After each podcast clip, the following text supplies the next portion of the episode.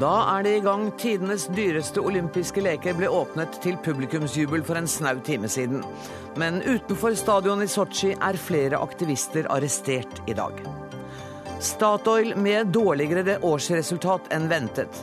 Del selskapet i to, foreslår Trond Omdal, analytiker i Arctic Securities. Folkeavstemning om innvandringskvoter i Sveits truer landets forhold til EU.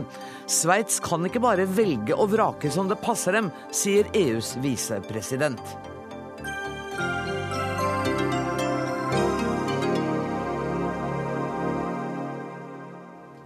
Dette er sakene i Dagsnytt 18 denne fredagen, der vi også skal få en profesjonell vurdering av åpningsseremonien i Sotsji. Men først. OL-festen er altså i gang. Dette er de 22. olympiske vinterleker, og det skal konkurreres i 98 medaljeøvelser. Åpningsseremonien eh, har startet og skal pågå en god stund eh, enda. Og reporter i Sotsji, Andreas Stabrun Smith, der hører vi jubel og musikk. Hva har du sett så langt? Det vi har sett så langt, er et lite hint av det vi skal få mye mer av etter hvert, nemlig de kunstneriske innslagene og veldig mye lys og lyd. Eh, påkostet eh, seremoni, ikke uventet når det er et OL som faktisk koster over 300 milliarder kroner. Da blir selvfølgelig åpningsseremonien også storslått. Og nå er Norge på vei inn her eh, faktisk i dette øyeblikk. Aksel Lund Svindal er flaggbærer, flaggbærer for Norge.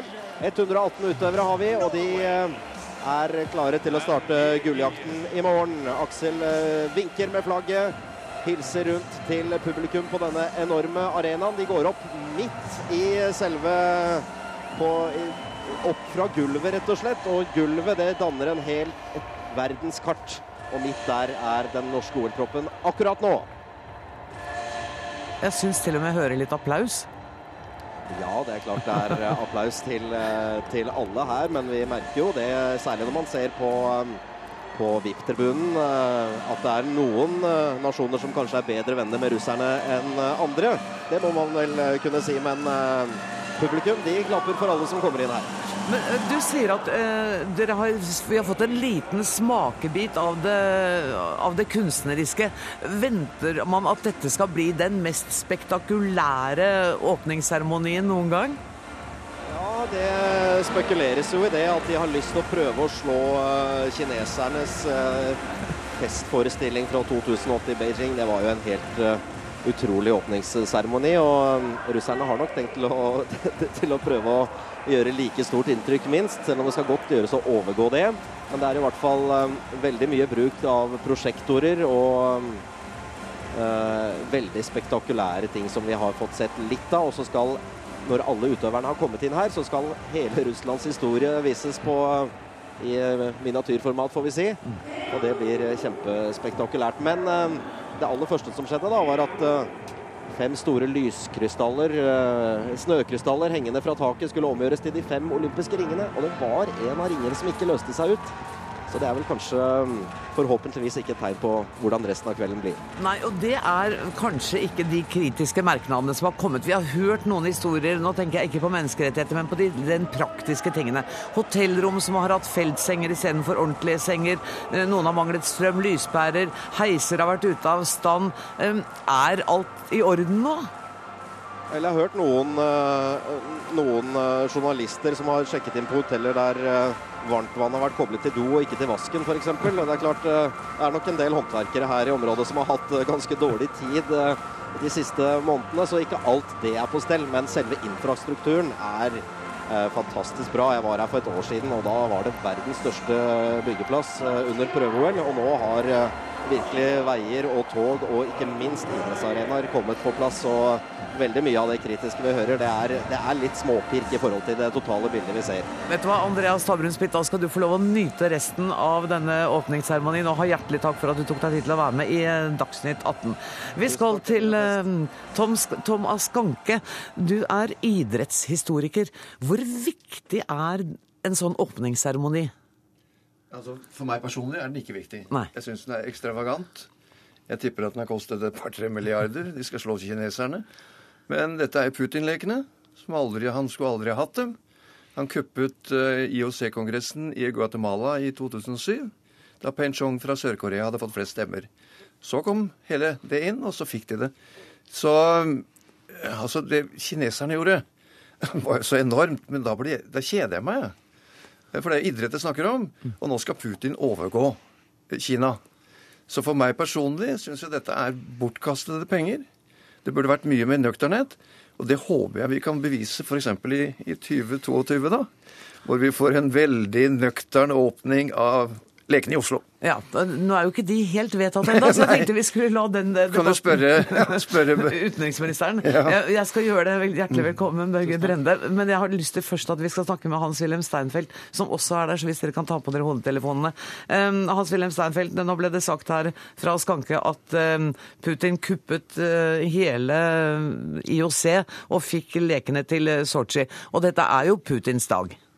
Nei, det er jo fremfor Russlands dag. Jeg må gå ut av denne betongkorridoren her, for det er sånt ekko. Ja, gjør det. For jeg lover at å heller si hva den uh, kommentatoren på Russlands største TV-kanal sa da Norge entret uh, arenaen i Fiskhallen. Da sa han her kommer en av verdens største vinternasjoner. Norge er Norge, og etter min mening var vinterlekene på Lillehammer for 20 år siden de aller vakreste vi har sett, sa altså hovedkommentatoren på Russlands største TV-kanal. Russland er en stor vinternasjon. De har brukt 50 milliarder kroner, ikke bare på lekene, men også på å bygge opp to uh, sentre for vintersport à la Davos i Sveits. Så de har fått valuta for pengene.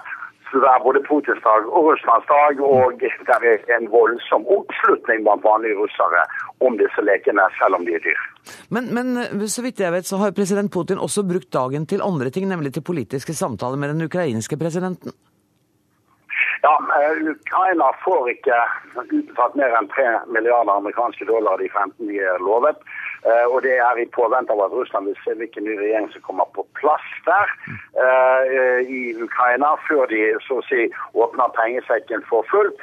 Ukraina har allerede sagt at de ikke engang kan betale gassregningen til sterkt reduserte priser. Og alt dette er da tema her i Sotsji for president Viktor Janukovitsj fra Kiev og Vladimir Putin. Så har vi naturligvis eh, det som nesten her i Russland oppfattes som en hets mot Russland pga. Eh, de homoseksuelles rettigheter. Her i Sotsji eh, så skjedde jo det noe litt nesten bittert ironisk, fordi byens ordfører Eh, da han eh, skulle løpe med den olympiske fakkelen, så proklamerte han at det ikke var en eneste homoseksuell her i Sotsji, og så slukket fakkelen for han. Om det er et eh, tegn på sannhet, skal jeg være forsiktig å dømme om, men den historien går jo over hele det russiske internett nå. Utenriksminister Børge Brende, tidligere i dag sa du til NRK at OL i Sotsji har gjort at menneskerettigheter og situasjonen for seksuelle minoriteter i Russland har fått søkelyset på seg. Kan det føre til noe positivt? Ja, Det håper jeg jo. Eh, men det er jo ført en ganske brei eh, debatt i forkant. Eh, man vet jo ikke hva som skjer etter OL nå. Nå kan det jo hende at det er en viss fare for tilbakeslag, så det må vi jo være oppmerksom på. Men jeg vil også gripe fatt i dette at for russerne så er jo dette en stor dag. Russland er vårt naboland. Og vi må også tenke på hvilken stolthet vi følte under åpningsseremonien i Lillehammer. Jeg husker jo som det skulle være i går. Og det gjorde ikke noe vondt å høre at den russiske kommentatoren også sier når Norge kommer inn at det flotteste var Lillehammer? Ja. Så, så, jeg syns vi må også koste på oss i dag å ikke se dette bare i en sånn politisk eh, sammenheng. Russerne er stolte nå, og de eh, Og vi må også koste oss på eh, koste oss liksom på oss å liksom da si at eh, det eh, blir en idrettslek. Mm. Samtidig som vi har gjort det klart eh, i forkant at vi er bekymra over utviklinga på en del menneskerettighetsområder, også når det gjelder forholdet, til, forholdet for seksuelle minoriteter. Og det har jo statsministeren også sagt. Er det på torsdag hun reiser til uh, Sotsji? Uh, og har jo sagt også at i den grad hun møter uh, toppolitikere, så kommer hun til å ta opp dette. Er det berammet noen møte mellom Erna Solberg og ledelsen i Russland? Vi får nå se hvilke møter vår statsminister får, men jeg tror ikke vi skal jeg ser ikke bort ifra at det kan bli noen av de, og da eh, vil jo hun ta opp eh, disse spørsmålene også. Men hun vil jo selvsagt også eh, dra til Sotsji for å da heie på norske idrettsfolk. Mm. Også være med på den idrettsleken som vi ser. Hans Wilhelm, hvordan har russerne tatt imot denne kritikken, til dels voldsomme kritikken i forkant, både når det gjelder menneskerettigheter og seksuelle minoriteters rettigheter? Veldig mange uh, husker tilbake på OL-boikotten av sommerleken i Moskva i 1980, da Norge og Vesten boikottet pga. krigen i Afghanistan. En krig vi selv senere gjentok og en boikott som har gått inn i den olympiske historie som en av de mest hykleriske handlinger vi har sett. Det vet jeg at også store deler av den norske Olympiatoppen mener, for jeg holdt foredrag for dem i eh, Sandefjord i 22. Eh, mai i fjor. Men det er klart at russerne biter ikke på all propagandaen her i kveld. Eh, blant annet så sa kommentatoren på den nasjonale kringkasteren Rosia at Russland nå utvikler seg med lynets hastighet, der andre land bruker mange tiår på samme utvikling. Jeg er ikke sikker på om den 25% av Russlands befolkning som lever under eksistensminimum, er helt enig i den vurderingen. Så det er klart at russerne smiler litt i skjegget over dette med fjellene selv roper høyt hurra, for det gjør de i Russland også. Mm, mm. Og, og, utenriksministeren har kanskje rett i at det at man får søkelyset på det, også vekker oppmerksomhet og kanskje forandrer situasjonen. Dere, mine herrer, vi, vi tar en liten runde til slutt på, på det idrettslige. Um, Tom Skanke, vi har forberedt deg litt på at du skal gjette antall gullmedaljer. Ikke ta alle typene, bare få høre gullmedalje. Hvor mange blir det? Jeg må få presisere at jeg er veldig tilhenger av vinter-OL. Ja. Det største arrangementet noen gang. Du bare jeg... kjeder deg under åpningsseremonien? ja, ja, og det kommer til å bli strålende OL. Ja, eh, Tilbake til det. Jeg analyserte alle, alle øvelsene. Ja. Alt mulig. Ja. Våre egne mot motstandere har kommet en forferdelig sum. Jeg kom til 15 gull. Mm. 15 gull til Norge. Vi, ja, men, rekker ikke å ta alle Nei, men det er 49 medaljer totalt. Ja, 15 ja. til Norge. Eh, jeg går ut fra at utenriksministeren også har brukt dagen på å regne ut og gå gjennom dette her. Men eh, ta et tall fra hodet, Brende. Hvor mange gull blir det til Norge? Jeg skal ikke bruke det mot deg hvis nei, nei, nei, nei, jeg er jo optimist og håper jo på det beste. Men eh, jeg håper jo at det blir 15, selvsagt. Men si at det er 12, da. Litt mer beskjeden. Og Hans-Wilhelm Steinfeld, kan du gå over 15? Tror du det blir mer enn 15 gull? Nei, men jeg skal fremholde den største menneskelige gullmedaljen her i Sotsji etter å ha vært ute og snakket med folk, og det er Ole Einar Bjørndalen.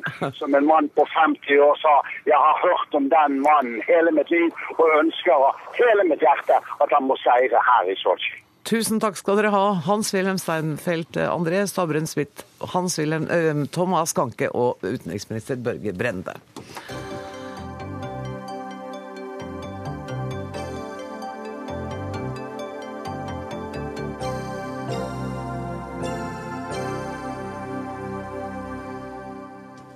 Det skal dreie seg om OL en liten stund til. For Sosialistisk Ungdom og SV vil forby reklameavbrudd under øvelsene i OL.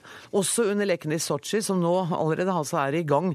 TV 2 har lov å sende tolv minutter reklame innenfor hver klokketime, og det er kanalen selv som bestemmer når reklamen skal komme. Det åpner for reklamepauser også under øvelsene.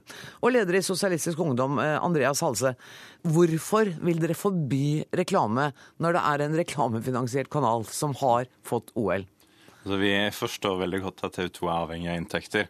Men jeg tror at det hadde fungert minst like godt å holde den reklamen til å være før og etter øvelsene at jeg er veldig opptatt av at folk flest har tilgang på store kultur- og idrettsarrangementer, som OL utvilsomt er, og få den opplevelsen servert på en OK måte. Og hvis man ser f.eks. hvordan TV 2 løser fotballsendinger, så er det ikke sånn at de avbryter eh, omgangene med reklame. De klarer fint å holde det til pausen og før og etter kampen.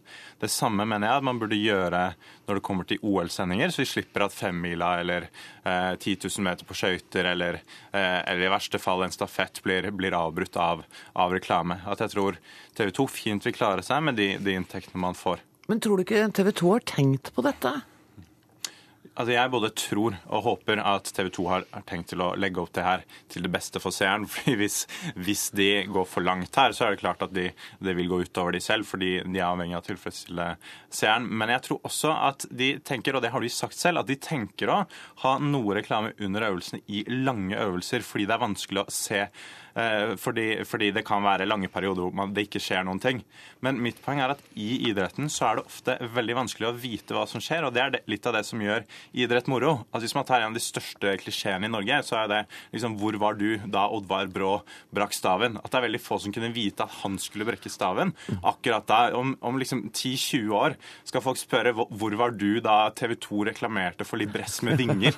eh, altså det, eh, jeg håper ikke har, vi kommer dit. Du, du, det du sier, er at du egentlig har lyst til å sitte foran den TV-skjermen hele dagen, og du har ikke behov for å hente deg en kopp kaffe eller et glass vann eller noen, du vil bare være der hele tida. Ja, ja. Sannsynligvis behov for å hente både kaffe og, kaffe og vann og andre ting. Jeg er en sulten mann som, eh, som spiser mye. Men, men, jeg mener at det skal være at, at, det ikke er nødvendig med reklame midt under øvelsene for det. Fordi det kan ødelegge seeropplevelsene for veldig mange som liker å følge også femmila eller 10 000 meter på skøyter. Fredrik Pundsvik, eh, første nestleder i Unge Høyre. Eh, dere har sagt at dere syns dette forslaget er helt tøysete. Dere vil ikke forby reklame i en reklamefinansiert kanal.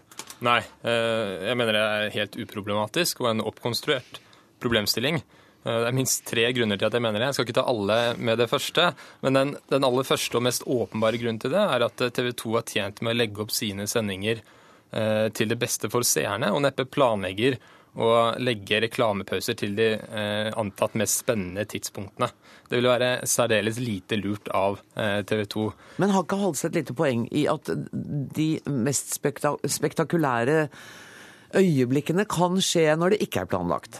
Jo, eh, man kan ikke alltid forutse når det vil oppstå spesielle hendelser. Det har jeg stor forståelse for, men det vil være en enkel sak å vise de aktuelle hendelsene i reprise etter en pause, f.eks. Jeg mener Tour de France-sendingene til TV 2 i løpet av sommeren er et godt eksempel på at de klarer å engasjere og tilfredsstille seerne på en god måte, til tross, til tross for reklameavbrudd. Og jeg har full tillit til at TV 2 kommer til å klare det også under OL. La oss snakke med TV 2. Ta på dere hodetelefonene. Vi skal ha med oss Rune Indre, kommunikasjonsdirektør i eh, TV 2. Eh, du kan sikkert både forklare oss og berolige eh, når det gjelder reklamepauser. Ja, jeg eh, skal gjøre et forsøk på det, men jeg må jo først få lov til å si at eh, det er jo nesten litt komisk at dette utspillet kommer fra SV. Det var altså SV, Arbeiderpartiet og Senterpartiet, forrige regjering, som eh, da vedtok disse endringene. Eh, det gjorde de fordi eh, de så at det regelverket vi hadde å forholde oss til, det var noe firkantet. Eh, det kunne til syvende og sist gå utover seerne, f.eks. Under, under OL. Derfor så valgte de å gjøre dette regelverket vesentlig mer fleksibelt. Det er mulig SV har glemt det de var med på i, i den forrige regjeringen, men dette er altså et forsøk på å plassere reklame der det naturlig eh, hører hjemme i denne type sendinger. Eh, det vil bli gjort med skånsom hånd. Vi kommer til å ha seerne i fokus hele veien. Eh, og, dere, og det kommer kanskje ikke til å sende så mye som tolv minutter i absolutt hver time heller? Nei, Vi eh, vil se ting litt an. Vi har nå drillet våre folk gjennom flere uker. Vi har, eh, vi har eh, gjort grundige forberedelser i forhold til sendeskjemaene. Og vi kommer også til å bruke en del veldig korte reklamepauser for at dette skal virke lite forstyrrende i sendingene. Eh, SU vil jo gjerne stoppe reklame både under dette arrangementet og framtidige store idrettsarrangementer. Hva er din kommentar til det? Eh, det er alltid en fordel å forholde seg til virkeligheten. Altså det, dette er et populistisk utspill og en, en, en, kanskje en litt, litt, norsk debatt også. Eh, rundt om i verden så er det veldig veldig mange kommersielle kringkastere som har rettighetene til OL. Og det, de, Hvis jeg ser på de spørsmålene jeg har, jeg har fått uh, både på mail og på telefon de siste dagene, så er det stort sett uh, SV og folk i NRK som er opptatt av uh, reklame i OL-sendingen. For, for, egen del kan jeg vel kanskje si at det er forklarlig. Men altså, dette her er urealistisk, og dere fremmer altså forslaget dagen før uh, den offisielle åpningen, så dere må jo ha skjønt at dette vil jo aldri skje? Ja, altså det som er realistisk, er at man i hvert fall skal kunne få på plass et regelverk til framtidige mesterskap. Og så burde regjeringen, mener jeg, allerede nå kanskje gi noen signaler på at det kommer til å bli endret, sånn at TV 2 allerede nå kan tilpasse sine sendinger til det regelverket som, som vil komme. Og så mener jeg at det er noen veldig naturlige områder hvor man kan sende reklame under OL-sendingene. Det er før og etter øvelsene, ikke midt inni. Noen av de mest spektakulære øyeblikkene i OLs historie er jo nettopp øyeblikk som man ikke har kunnet forutse. Men nå hørte du nettopp ikke... Indre si at de kommer til å ha seerne i fokus. Jeg tror at vi skal eh, stole på ham eh, når det gjelder eh, det.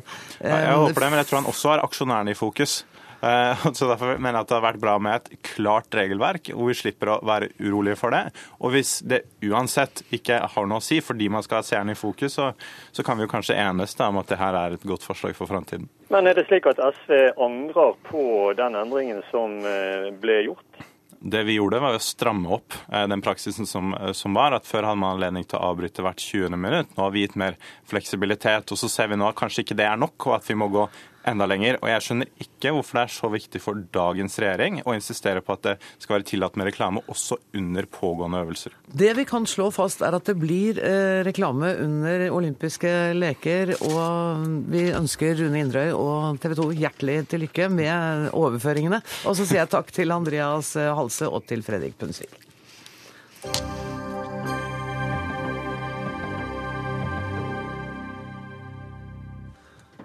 Dårlig Statoil-resultat fører til investeringskutt i milliardklassen. De fagorganiserte frykter også for arbeidsplassene.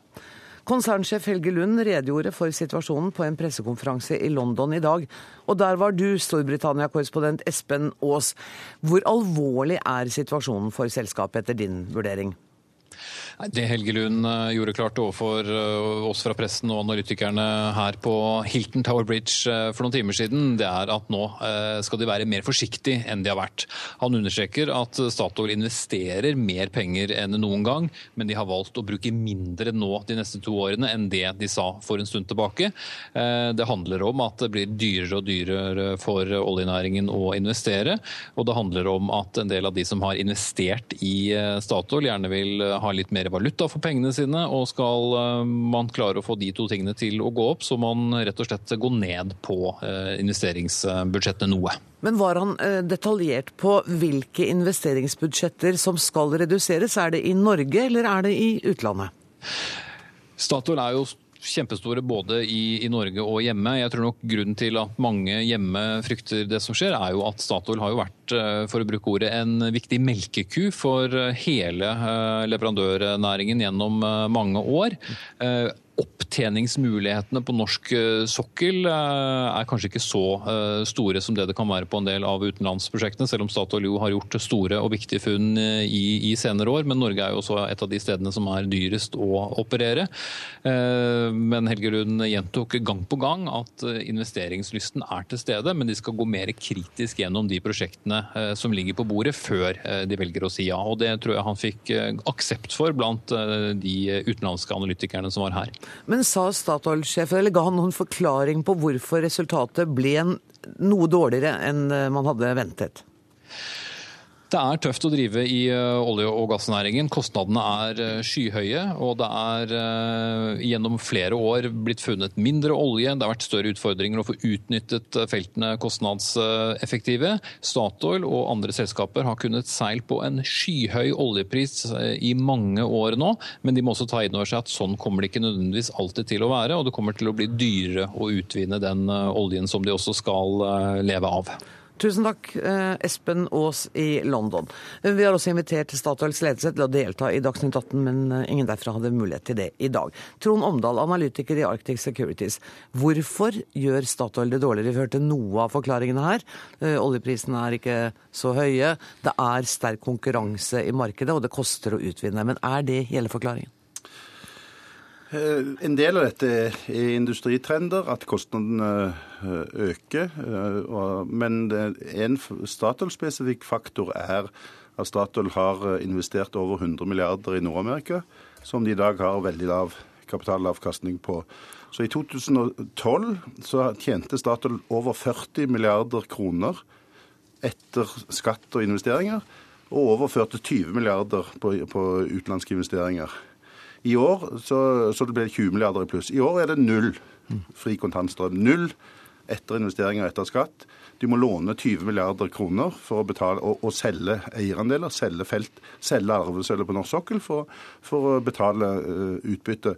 Og Det ser dårlig ut neste år òg. Men det som snudd, gjorde at uh, investorer ble begeistra i dag, utenlandske, var at innen 2016 skal dette snu, hvis oljeprisen holder seg. Så, men er situasjonen da mer alvorlig enn det som det ble gitt inntrykk av på pressekonferansen i London i dag? Nei, altså Statoil har verdier, underliggende verdier, som er verdt eh, nesten det dobbelte av selskapet. Mm.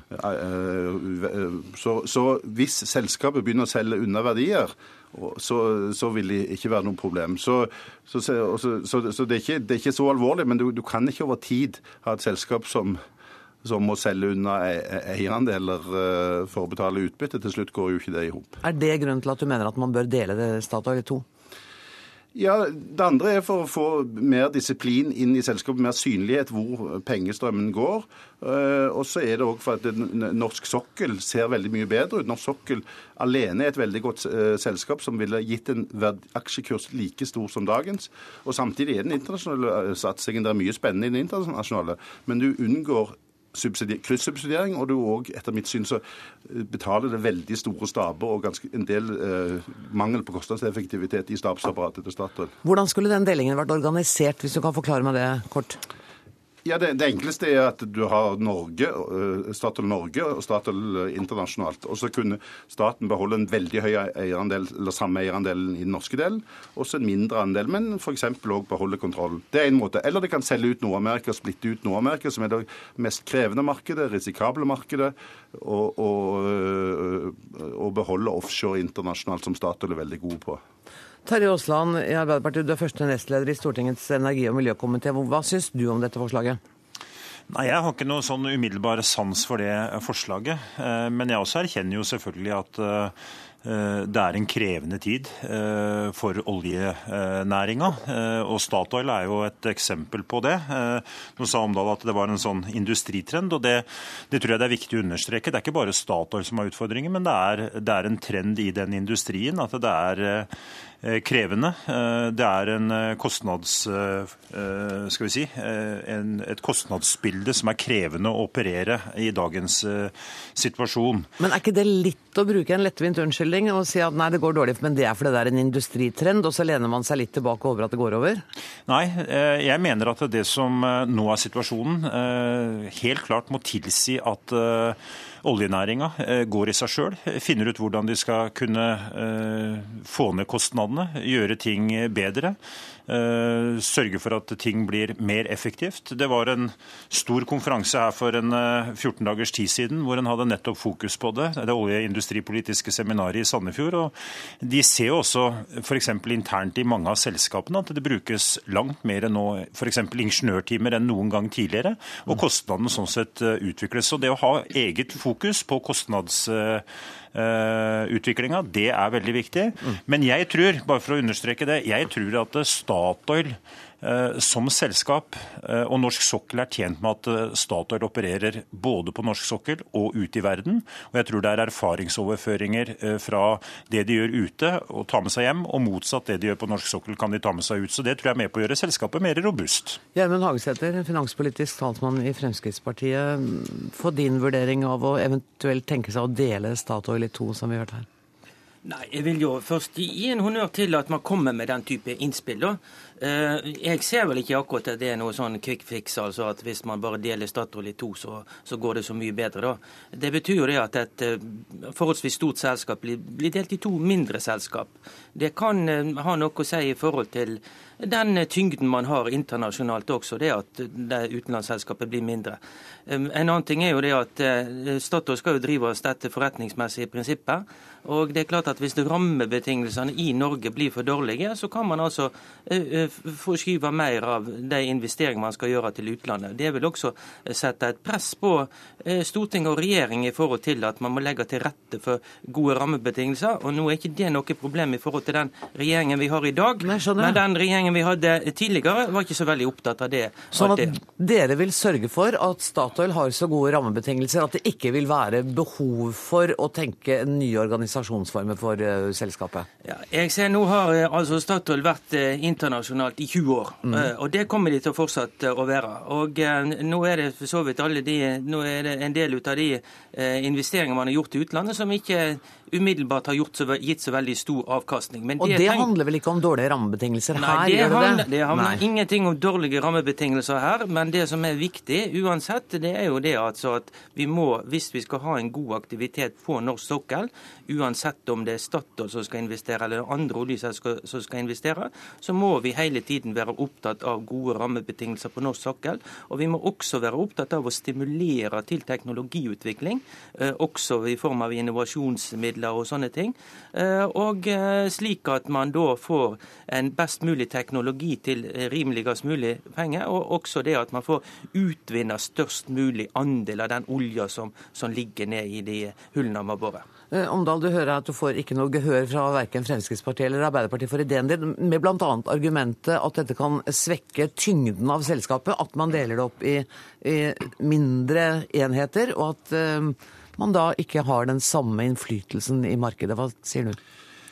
Nei, altså, eh, Mitt viktigste bekymring er jo at eierstyringen bør styrkes. og Riksrevisjonen har jo påpekt at eierstyringen av Statoil har vært for svak. Altså at staten har vært en for dårlig? For dårlig eier følger ikke opp. Du får veldig administrasjonsstyrt eh, der ledelsen kan bruke hundrevis av millioner på, på, eksterne rådgivere, og så har du et styre som, eh, som leser oppsummeringsrapporten, og så har du Olje- og energidepartementet som, som leser kanskje første linjen. Så, så, det, er, så det er ditt hovedanliggende, mer enn selve delingen av selskapet i to? Ja, og så, så så mener jeg at eh, Nord-Amerika eh, har Statoil vist at de, de, går inn og kan ikke veldig mye om det.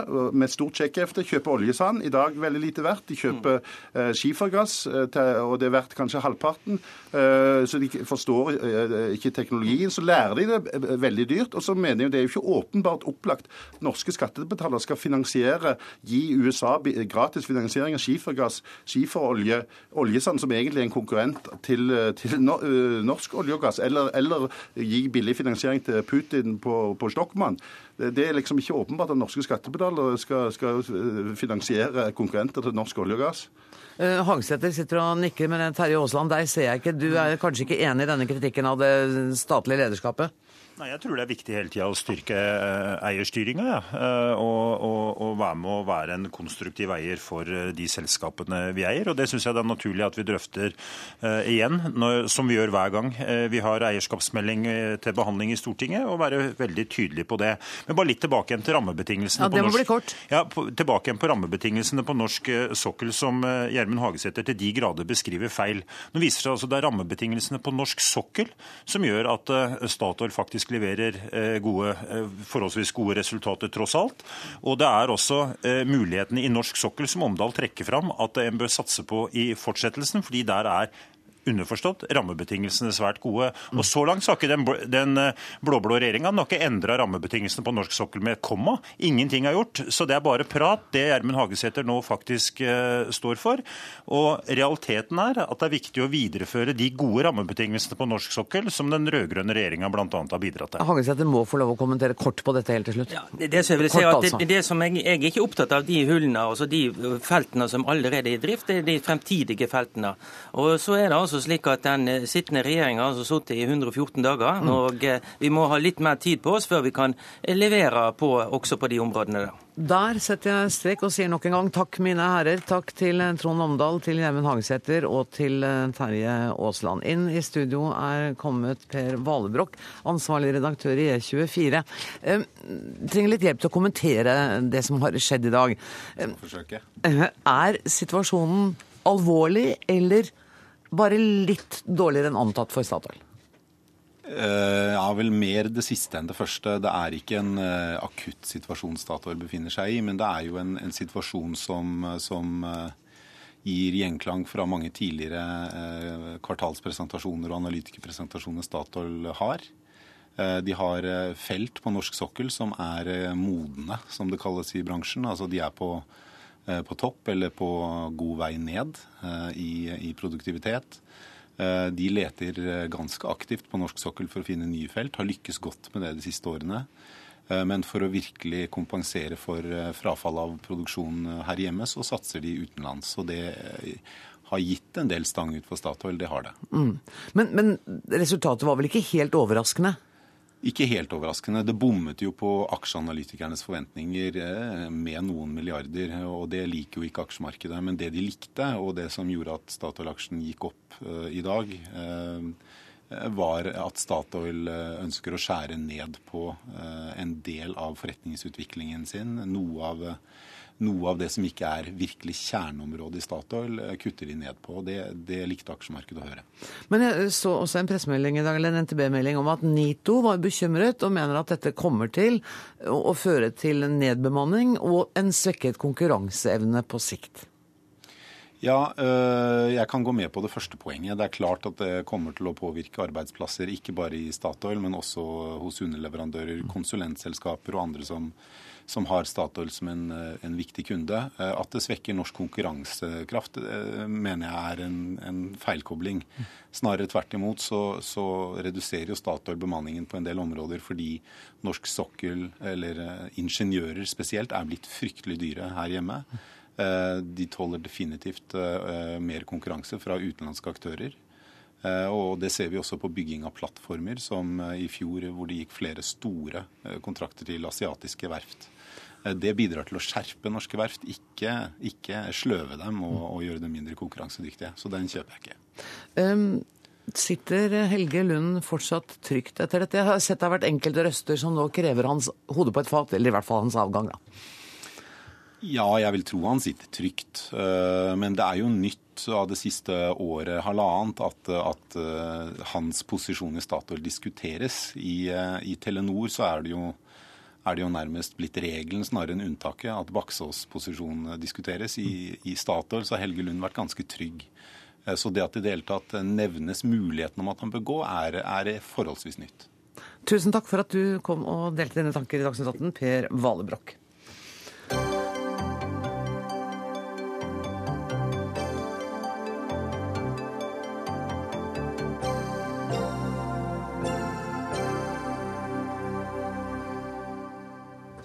Går ble avtalen om evakuering av innbyggerne i den syriske byen Homs undertegnet, og i dag har de første sivile fått forlate den utbombede og beleirede byen. Homs har vært omringet av regjeringsstyrker i eh, i over 600 dager. Sigurd Falkenberg Mikkelsen, eh, du er vår korrespondent, og du er med oss fra Syrias hovedstad Damaskus. Eh, hvem er det nå som har dratt fra gamlebyen i Homs? Er en foreløpig en liten gruppe med kvinner, barn og eldre. Det er altså de aller svakeste som har fått lov til å slippe ut. Det er foreløpig eh, ikke så veldig mange det dreier seg om. Eh, det virker som det er færre enn de 200 som Røde Kors hadde håpet på. Eh, og det sitter altså flere tusen igjen i gamlebyen fortsatt. Og Hvordan er situasjonen for dem som er igjen der? Den eh, rapporteres eh, å være eh, desperat. Det har jo kommet meldinger fra aktivister og folk innenfra at de har svært dårlige humanitære forhold. De har lite mat. De har overlevd på oliven. De koker suppe på gress og sånne ting. Så Det er en desperat situasjon, i tillegg til at de har vært utsatt for forferdelige krigshandlinger i halvannet år nå. Men det har også kommet meldinger om en tilsvarende evakueringsoperasjon i den palestinske flyktningleiren Yarmouk i Damaskus. Eh, vet du noe om hva som har skjedd der? Nei, ikke annet enn at de har fått inn eh, noe eh, nødhjelp under en avtale der. Men det er fortsatt veldig begrenset med nødhjelp som kommer inn. Det er jo ikke snakk om humanitære korridorer med kontinuerlig tilførsel. Det er stort sett eh, vært engangstilførsler eh, med mat til en desperat befolkning. Jarmuk er det kanskje aller verst, men også andre forsteder i Damaskus som er hardt rammet. og Krigføringen fortsetter jo også for full styrke i Aleppo nord i Syria. Sven Måleklev, president i Norges Røde Kors. Nå hører vi de ferskeste inntrykkene og rapportene derfra. Hvordan vil du beskrive situasjonen? Den er helt overensstemmende med den vi hører fra Folkenberg Mikkelsen. Her er ingen humanitær korridor med nødhjelp inn? Det eh, som er tilfellet, er at eh, den gamle byen i Homs samt Jarmuk og andre steder, som det helt korrekt blir pekt på, som i Aleppo, Idleb, andre steder, så har eh, vi vært holdt ute fra å både komme inn og gi hjelp, og å hente både døde og sårede syke eh, ut. Og det man nå har greid å forhandle seg frem til, er nettopp muligheter for å evakuere noen ut fra bydelen eh, i Homs, gamledelen, og også i Jarmuk. Eh, de som er verst stilt. Og de som ikke ønsker å forlate disse bydelene, de har man også fått anledning til å kunne komme inn med nødhjelp. Eh, det viktige i denne situasjonen er jo at dette ikke bare må være enkelttilfelle, men at eh, vi kort og godt får den rett vi har i henhold til Genévekonvensjonen.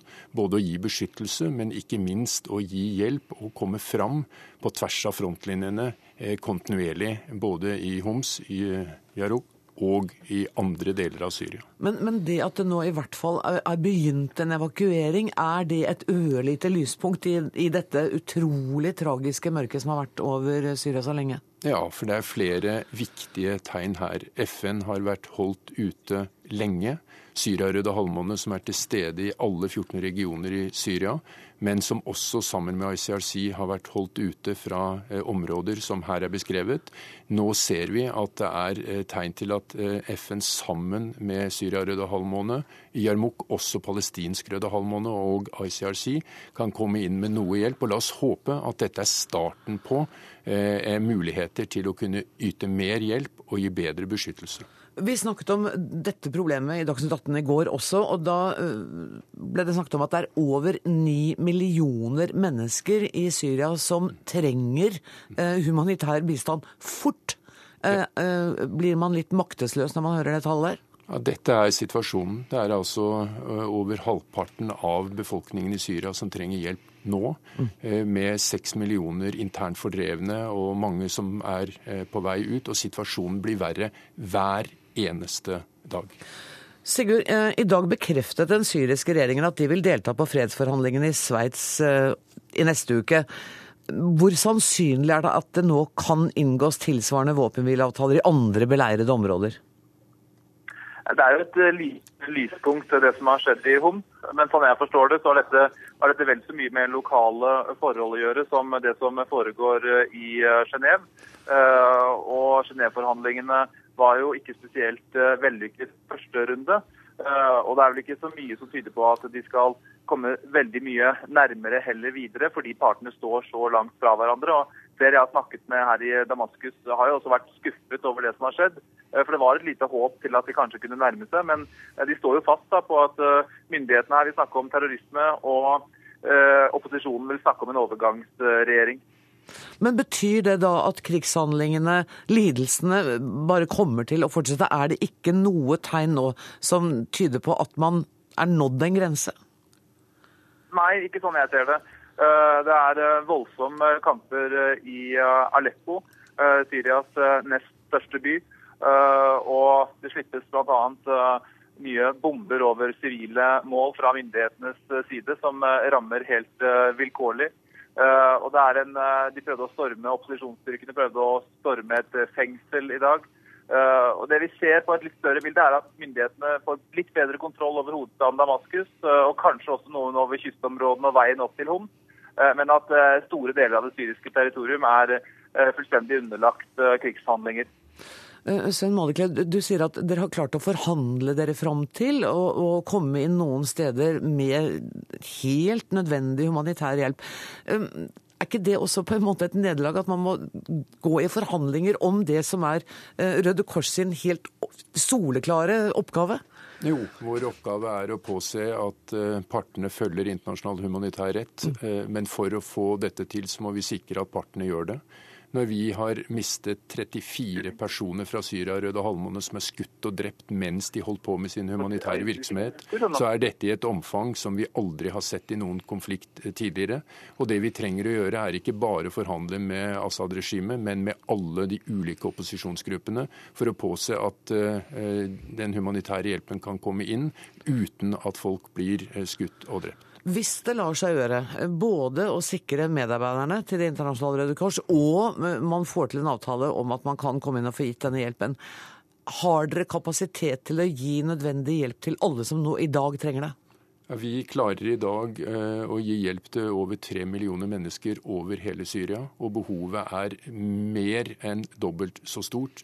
Så det at FN nå har fått sjansen til å komme inn, og at det er mange andre humanitære aktører som står klare til å komme inn, samt at vi kan øke vår kapasitet mange ganger, så vi vil være i stand til, sammen med øvrige aktører, å kunne bistå hvis politikerne legger nok press internasjonalt på aktørene inne i Syria til at eh, våpenhvilen blir iverksatt, slik at vi kan eh, utføre vår eh, humanitære hjelp i økt omfang. Det gjelder også retten til å få tilgang, som vi også har, til fangeleirene og til fengslene, hvor folk lever under dramatisk dårlige og uakseptable forhold. Er dette den verste humanitære krisen i verden i dag? Ja. Tusen takk for at du kom, eh, Sven Målekleiv, president i Norges Røde Kors. Og takk også til eh, kollega og korrespondent Sigurd Falkenberg Mikkelsen.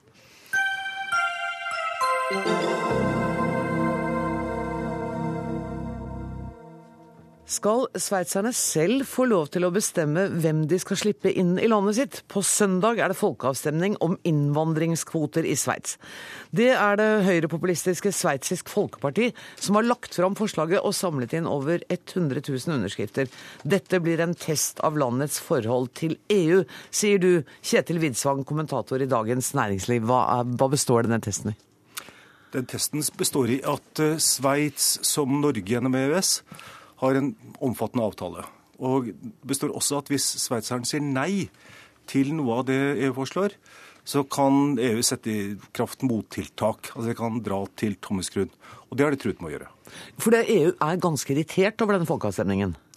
Ja, det er de. Altså den Vivian Redding, som er visepresident i kommisjonen, har sagt at hvis de gjør det, så skrur de Du kan ikke skru av en del av de fire frihetene. Dette gjelder eh, fri bevegelighet av arbeidskraft, så da er det brått slutt. Og Da kan du gjøre mye med sveitserne. Altså, for det første så er det flere hundre tusen sveitsere som bor i EU-land. For det andre så pendler det altså 37% av de som jobber i den sveitsiske urindustrien, er franskmenn som dagpendler til Sveits. Så det er klart, hvis de skrur til her, så kan det fort gå ille med Sveits. Men eh, det er en stor innvandring til Sveits. Er det hovedsakelig fra EU-land, eller er det også utenfor EU? Det er utenfor EU også, men hovedsakelig er det. Men det er en veldig høy, veldig høy innvandring. Det er vel 3-24 eller noe sånt nå, av Sveits befolkning mm. som i dag er innvandrere. Og det har kommet veldig mange de, de, siste ti årene. Så det er klart det er en belastning på hele det sveitsiske systemet. Men samtidig så er det en stor del av dem høyt kvalifiserte, velutdannede folk? Ja, det er vel et, et av de landene hvor innvandrerne har uh, gjennomsnittlig høyere utdannelse og vel uh, ja, høyere yrkesdeltakelse enn en de som bor i landet fra før.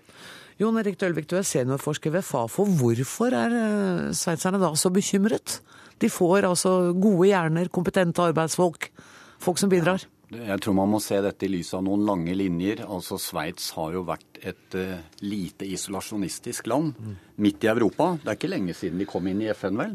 Samtidig har de hentet inn arbeidskraft når de har trengt det, og praktisert det lenge et gjestearbeidersystem som vi vel bare kjenner fra Kuwait og, og, den slags stater, hvor de som kom og jobbet ikke hadde sosiale rettigheter. Så var først etter at EU satte tommeskruen på dem, hvor de ønsket å få tilgang til det indre markedet mot at de måtte godta til slutt uh, fri bevegelse av arbeidskraft, at innvandrerne fikk sosiale rettigheter. Så dette var et vesentlig tema bak folkeavstemningen som gjorde at Sveits ikke gikk inn i EØS. Men har sin egen forhandlingspakke med ja. EU som er litt det, annerledes enn EU. Og dette har de hatt var det 15 folkeavstemninger om de siste, siden 1993. Det er De et land som liker folkeavstemninger. Ja. Eh, men Forklar meg litt, hva er dette Sveitsisk Folkeparti som nå har samlet inn 100 000 underskrifter til støtte for sitt syn, nemlig å stoppe, eller i hvert fall kvoteregulere. Hvem, hvem er det? Det er vel et typisk nasjonalist-populistisk parti, slik vi kjenner dem fra mange andre land, men de har en lengre historie. De har hatt større gjennomslagskraft i valg. Det siste valget jeg så, så var det oppimot 30% Og de har vært drivende i denne debatten, i forhold til EU og, og innvandring. Ehm, Så, så de er vel ikke så veldig forskjellige fra kanskje Dansk Folkeparti, men mye kraftfullere. Mm.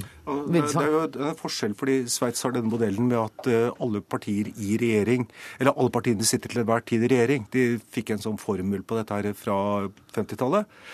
Og eh, de har hatt én representant i regjering inntil det har vokst. Og så stokket de om dette for noen år siden, slik at de nå har to til enhver tid, eh, til enhver tid i, i regjeringen. Og de har innflytelse. De hadde en folkeavstemning om minareter og sånt nå. Men dette innvandrings, eller innvandringskvoteforslaget som kom nå, det er et ganske massivt flertall mot det i den svenske nasjonalforsamlingen. Næringslivet er mot, det er, eh, og et folkeflertall er mot, Er mot. ifølge de siste meningsmålingene. Så at det ser ut til at de ikke kommer til å vedta det forslaget sånn som dere vurderer det nå? Ja, Er dessverre på et vis. Eh, For Norge. Altså Hvis du ser helt sært på det fra norsk vinkel. La oss være sære et øyeblikk. Ja. Jo, fordi at altså, dette vil jo være en litt test sånn i en konflikt mellom et ikke-medlemsland og EU. For det har vært en veldig stor diskusjon for det første om Sveits, den sveitsiske modellen vil gi større handlingsfrihet enn den norske gjennom, eh, gjennom EØS. Og hvis vi da mm, ser helt snevert på det, så ville det vært en veldig god test. fordi at Svenske Folkeparti sier som Nei til EU og Transportarbeiderforbundet og sånt i Norge at eh, mm, de vil nok jenke seg til å godta våre særkrav og sånt etter hvert. Hvis de sier nei på søndag, så vil de få testet ut dette her. Er du enig i det, Dølvik? Ja, det er jo et interessant perspektiv. Og vi har jo en beskyttelsesklausul når det gjelder arbeidsinnvandring også i EØS-avtalen. Den er litt annerledes utformet. Og, og det hører med i bildet her at sveitsiske regjeringen faktisk både i 2012 og 2013 brukte den klausulen for å sette tak på permanente innvandrere fra først de nye E- EU-medlemslandene, og så fra de vesteuropeiske. Men paradokset her er jo, som Widsvang peker på, at 70% av innvandringen kommer fra EU, og det er tyskere, italienere, franskmenn osv. som er av vital betydning for, for Sveitsis næringsliv. Ja, Vil de klare seg uten dem? Neppe. Nei, og så er det jo litt sært at det de søker beskyttelse mot nå, det er ikke så mye liksom, eh, rumenere, bulgarere, de fra de fattige delene. Det er den høyt kvalifiserte arbeidskraften som de er redd for at skal ta jobben ifra dem. Men øh, altså, de vil jo ikke klare seg uten dem. Ja, f- Men det skal Det høres litt pussig Det ut. har jo en veldig stor eh, andel altså, Det er et problem med det. Det er klart det. for Hvor stor er arbeidsledigheten i Den er lav, 4%. den er lav men de har altså den høyeste innvandringsraten i Europa. Det er Langt høyere enn Norge, dobbelt så mange. Og ca. 40% av befolkningen er av utenlandsk opprinnelse. Sånn at dette er en belastning på sveitsisk økonomi, og de sliter med en del av de samme problemstillingene som vi gjør i Norge. Eh, Boligmarkedet, press i visse deler av det, og også selvfølgelig å holde styr i arbeidsmarkedet. Sånn at det, det, er, det er en reell klangbunn bak disse problemene. Men det å eh, lage en grunnlovsbestemmelse som skal sette, sette en absolutt grense, er jo et relativt grovt virkemiddel. Da. Og det tror ingen av dere på? Nei, men altså, Det EU, eller Vivian Redding, som er visepresident i kommisjonen, også har sagt nå, det er at øh, hvis dette blir noe, øh, blir noe av, eller hvis de gjør det, så er det også bråslutt på en sånn reforhandling de har av hele avtalepakken med EU. For EU er grundig lei av denne sveitsiske modellen. Så de vil ha et system hvor de mer sånn automatisk implementerer EU-lov. Og hvor grunnprinsippet skal være at sveitserne får gjøre nøyaktig hva de vil, bare de gjør det EU sier. Tusen takk for at dere kom, Kjetil Widsvang og Jon Erik Dølvik.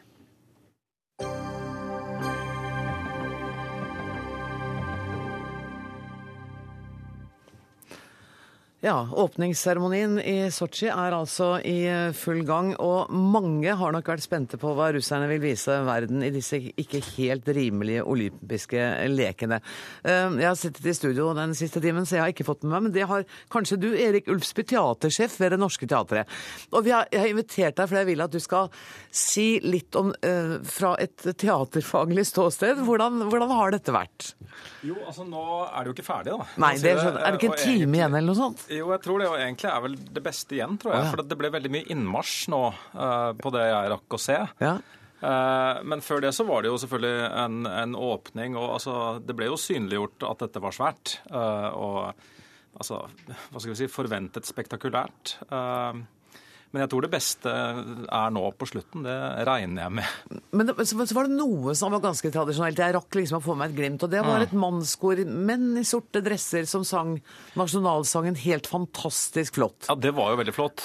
Og jeg må jo si at jeg, jeg har jo en liksom hang mot det seremonielle i Ja. sånne sammenhenger. Jeg syns jo altså alt fra OL-ilden som kommer inn til den type nasjonalsang som vi så der, er jo, det er jo veldig flott. Da. Skal vi høre litt grann fra det koret? Absolutt. 几分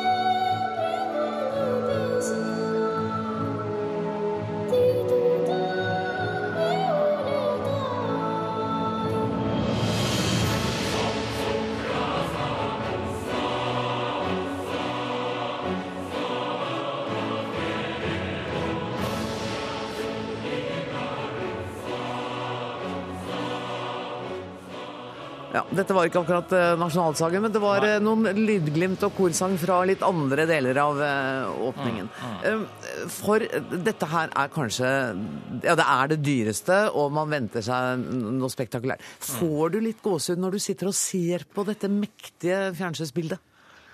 Å, Nei, ja, Nei. altså, jeg, jeg syns det er litt dobbelt. ja. Altså, jeg, jeg må si at uh, jeg, jeg tror jo ikke denne, denne veien går så veldig mye lenger, for å si det sånn. Altså, jeg hørte et eller annet sted at de har brukt like mye penger som på alle OL til sammen. Uh, og det er klart at effekten er ikke proporsjonal, altså, for å si det sånn. Det er ikke sånn at du, altså 30 milliarder er ti ganger så mye som 300 milliarder i visuell effekt. Sånn at et eller annet sted så tror jeg kanskje at man må, må begynne å finne en annen vei på sånne arrangementer. Det tror jeg. Men eh, Nå høres jeg veldig vulgær, men er det litt som Melodi Grand Prix? At det, Ja, det er det. Ikke sant? Nå, nå er det blitt så, eh, så svært og så likt og så uh, forventet hele tiden at du sitter egentlig like mye og snakker med andre eller, eller spiser chips eller går ut og finner på noe annet og kommer inn igjen. Altså fordi at det, det er liksom ikke sånn at du regner med å gå glipp av noe. Men sånn at det neste som arrangerer, f.eks. Oslo, da, la oss tenke det, Mm. det burde man kanskje ikke være high-tech, men low-tech? burde man? Ja, det har jeg en eller annen teori på at kan være lurt. Altså eh, å gå helt motsatt vei. Eh, gå ned i format, og det behøver ikke bli mindre eh, spektakulært. Altså det finnes mye spektakularitet i, i det lille òg. Så eh, ja, nei, men det blir interessant å se hvor dette fører. Det er jo noen OL før det eventuelt havner i Oslo òg, så mange muligheter. Og det har vært veldig forskjell i disse åpningsseremoniene også. Nå Mm. hørte vi Hans-Wilhelm Steinfeld sa at eh, det Russland håpet var å liksom overgå Beijing, og det har de kanskje klart?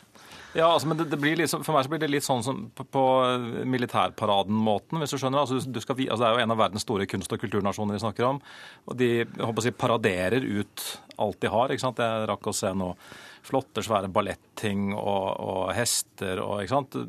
Så altså forståelig nok, da. Du har jo en arena hvor du plutselig er synlig for alle sammen. Men, men, eh, men det, det blir jo litt sånn militærparader. Skal vi se hvor mange raketter vi klarer å vise fram Og blir det litt sånn som man spiser for mange fløtekarameller, man blir litt grann mett? Ja, jeg syns vel egentlig det. Din, hvis jeg nå sier at du får i oppdrag å lage åpningsseremonien i Oslo Takk for det, ja. Å, vær så god. Hva ser du for deg? Hva inni hodet ditt sånn? Dette har du selvfølgelig tenkt masse på. Ja, nei, dette har jeg ikke tenkt på annet. Eh, nei, jeg har ikke noen eh, veldig klar tanke rundt det. Men, eh, men jeg tror som sagt ikke den veien man er på nå, går så veldig mye lenger. Det tror jeg ikke. Det må ned fra high-tech til eh, low-tech. Ja, Det må i hvert fall et annet sted eh, på sikt. Ellers så Ja, nei, jeg tror ikke det går videre her. Kommer du til å være til stede hvis Oslo får eh, OL? Ja, Det håper jeg absolutt. Kanskje ikke som eh, ansvarlig for hele åpningen, da. Det spørs vel. Det spørs vel. Tusen takk for at du kom til eh, Dagsnytt 18, Erik Ulsby. Jeg må si takk til deg, i likhet med alle de andre mennene som har fylt eh, denne fredagsutgaven av eh, Dagsnytt 18. Vi nærmer oss nemlig brått slutten, både på denne sendinga og på uka. Ansvarlig i dag var Dag Dørum. Det tekniske ansvaret det er det Finn Lie som står for. Jeg heter Anne Grosvold og ønsker både mannlige og kvinnelige lyttere en riktig god helg. Takk for det.